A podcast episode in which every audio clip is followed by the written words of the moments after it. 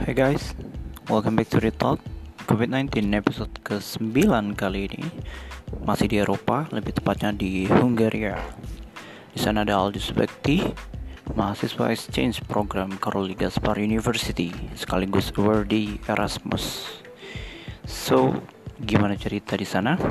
Yaudah yuk, langsung aja kita dengerin obrolan gue dan Aldi langsung dari Budapest, Hungaria. Stay tuned.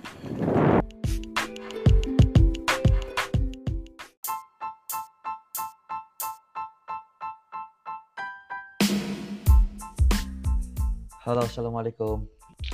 Waalaikumsalam, Aldi Subekti. Gimana kabarnya, Di? Uh, baik baik. Sekarang sedang mengkarantina diri semuanya seluruh dunia. betul, betul, betul. Stay safe lah ya untuk kita semua. Iya benar benar. Mm -hmm. Aldi, welcome to my podcast. Uh, segmen COVID-19 episode yang kesekian. Kemarin kita udah ke Aussie, juga ke Rusia, dan sekarang ke Hungaria bersama Aldi. Teman-teman, Aldi mau memperkenalkan diri, silakan disimak. Wih, kenalin di. Oke, baik. Uh, sebelumnya terima kasih sudah diundang di channel yang bermanfaat ini. Sama-sama. Uh, nama aku sendiri Aldi Subakti, biasa dipanggil Aldi. Sebenarnya sekarang aku sedang kuliah di Istanbul University, tetapi di semester ini aku ngambil program Erasmus Plus hmm. dan menghabiskan satu semester ini di Hungari.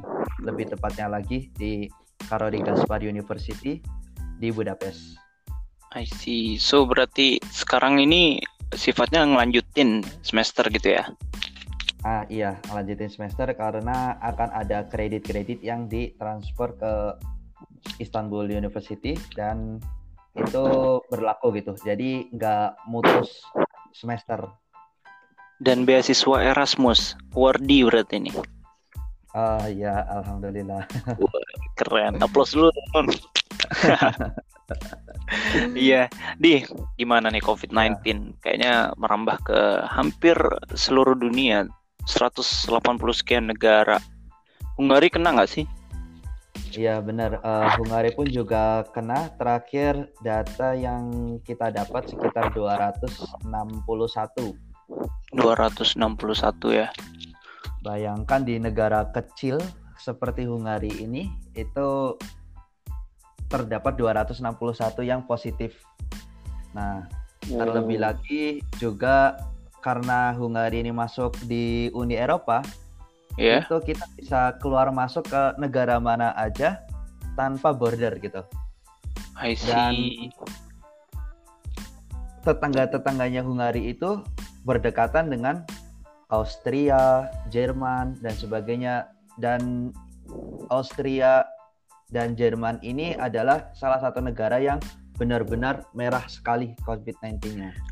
Oke oke oke. Tapi kemarin temanku yang dari Jerman uh, itu bilang kalau oke okay, di Jerman memang merah, tapi dia salah satu uh, negara yang penuntasan atau uh, respon terhadap COVID-19 ini salah satu yang terbaik sebenarnya. Sampai sebenarnya kan Jerman itu uh, dia ngebantu beberapa pasien dari Italia.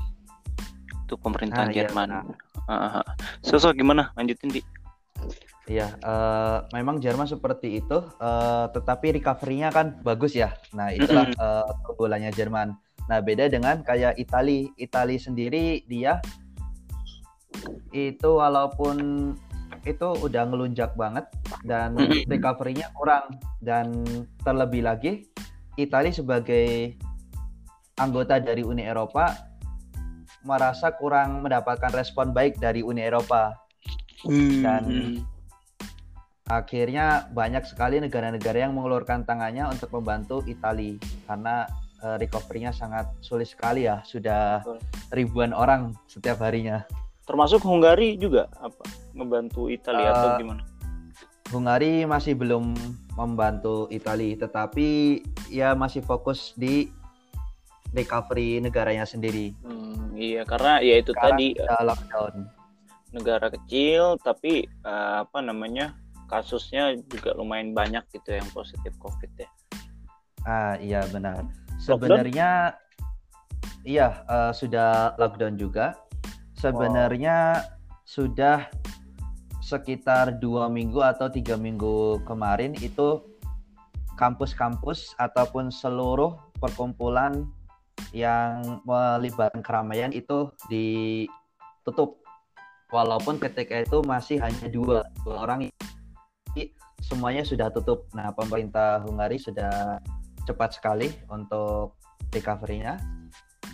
Dan kemudian di Uni Eropa sendiri ya, Uni Eropa dengan border bilasnya itu dengan tetangga ke Austria itu kayaknya ketika itu sedang menetapkan usaha yang bagus sekali untuk Hungari. Oke. Kabar terakhir salah satu korban yang meninggal karena COVID itu ini ya apa namanya kedubes Inggris di Hungaria betul nggak ah, sih? Iya benar-benar. Iya ya. Itu eh, gimana itu ceritanya? Bisa ceritain dikit gak? uh, kalau kedubes Hungaria yang di eh kedubes Inggris yang di sini sendiri sebenarnya uh, kurang tahu jelasnya gitu ya. Nah di sini hmm. untuk berita sendiri tidak terlalu dipublik dipublis hmm. semuanya gitu. Jadi mungkin iya, agak yeah, kayak Indonesia gitu. Jadi kita hanya menunggu update dan sebagainya dan kita masyarakat disuruh untuk tenang. Oke, okay, I see, I see, I see. Memang uh, selain itu mungkin kebijakan apa aja yang diterapkan pemerintahan Hungari nih dalam uh, penanganan COVID? Uh, kalau untuk penanganan COVID dari dari Hungari sendiri, itu yang pertama kan sudah menonaktifkan belajar mengajar. Jadi hmm. kalau misalkan di Turki itu sekarang situasinya sedang tidak normal ya minggu selalu, selalu dituntut untuk mendapatkan update dari seperti Kemendikbud ataupun Kemenristekdiknya di Turki untuk mendapatkan info selanjutnya universitas akan dilakukan ataupun online dan sebagainya. Hampir setiap minggu teman-teman di Turki uh, selalu menunggu seperti itu. Hingga akhirnya pada oh hari ini ditetapkan bahwasanya uh, kuliah itu dilakukan sampai sekitar bulan Juli.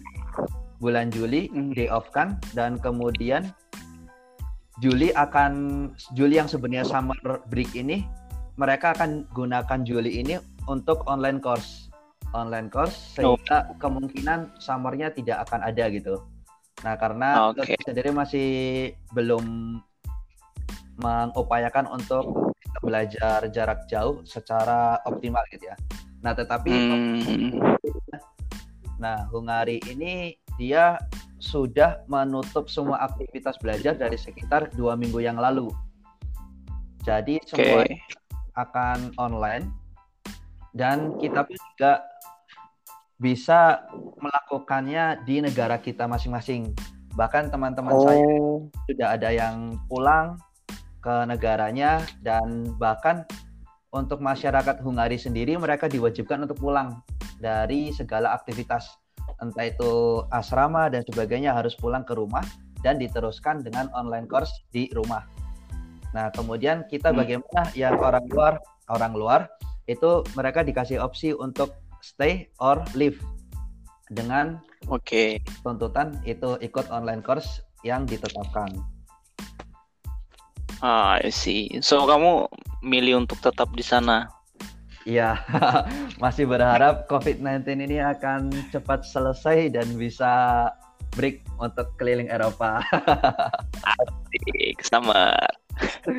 Kemarin kok juga tuh dia mau uh, apa mau summer kan ke keliling beberapa negara. Ilo kan di Rusia gitu, tapi hmm. uh, ternyata kalau di Rusia itu sulitnya kembalinya lagi. Jadi kalau keluar gampang, tapi pas kembalinya itu susah. Itu pemeriksaannya lebih ketat gitu. Nah kalau di Hungari sendiri gimana tuh? Dia ketat nggak untuk keluar masuknya? Untuk keluar masuk sih sebenarnya mudah banget ya di sini selama ada visa gitu ya. Karena di sini kan negaranya hmm. kecil ya. Bayangkan ya. airportnya aja mungkin airport internasional utama di Hungari ya itu lebih hmm. kecil daripada sekelas uh, Adi Sucipto Jogja atau di Jakarta itu lebih kecil dari hmm. itu. Dan hmm. ketika keluar pun juga loh kok nggak ada pemeriksaan yang aneh-aneh oh. gitu. Oh ini tuh bandaranya kaget gitu.